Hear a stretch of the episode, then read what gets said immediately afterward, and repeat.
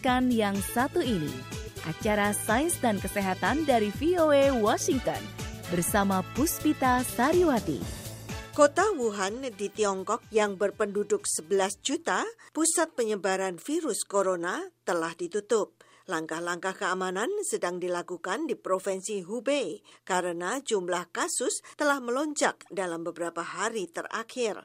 Para ahli mengatakan virus corona belum separah wabah masa lalu seperti wabah SARS pada tahun 2003 yang menewaskan hampir 800 orang. Virologis atau pakar virus Dr. Derek Gatherer dari Universitas Lancaster mengatakan It's the closest relative of SARS that we know, and therefore it has to be regarded as something Virus ini sangat mirip dengan SARS yang kita ketahui dan itu harus dianggap sebagai sesuatu yang berpotensi sangat berbahaya.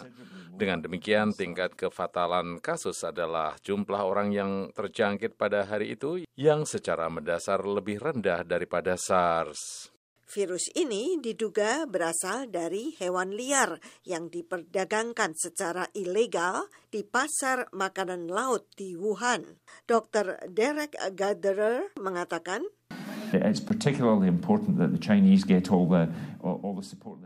Sangat penting bahwa rakyat Tiongkok mendapat semua dukungan yang mereka butuhkan untuk benar-benar mengatasi hal ini sejak awal di Wuhan dan memastikan bahwa semua orang yang menjalin kontak fisik dengan penderita dilacak dan dikarantina, serta setiap orang yang mengalami gejala pernafasan di Wuhan diperiksa apakah mengidap virus itu.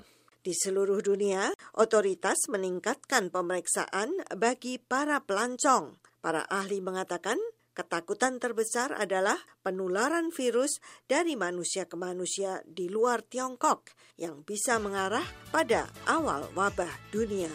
Puspita Sariwati, VOA, Washington.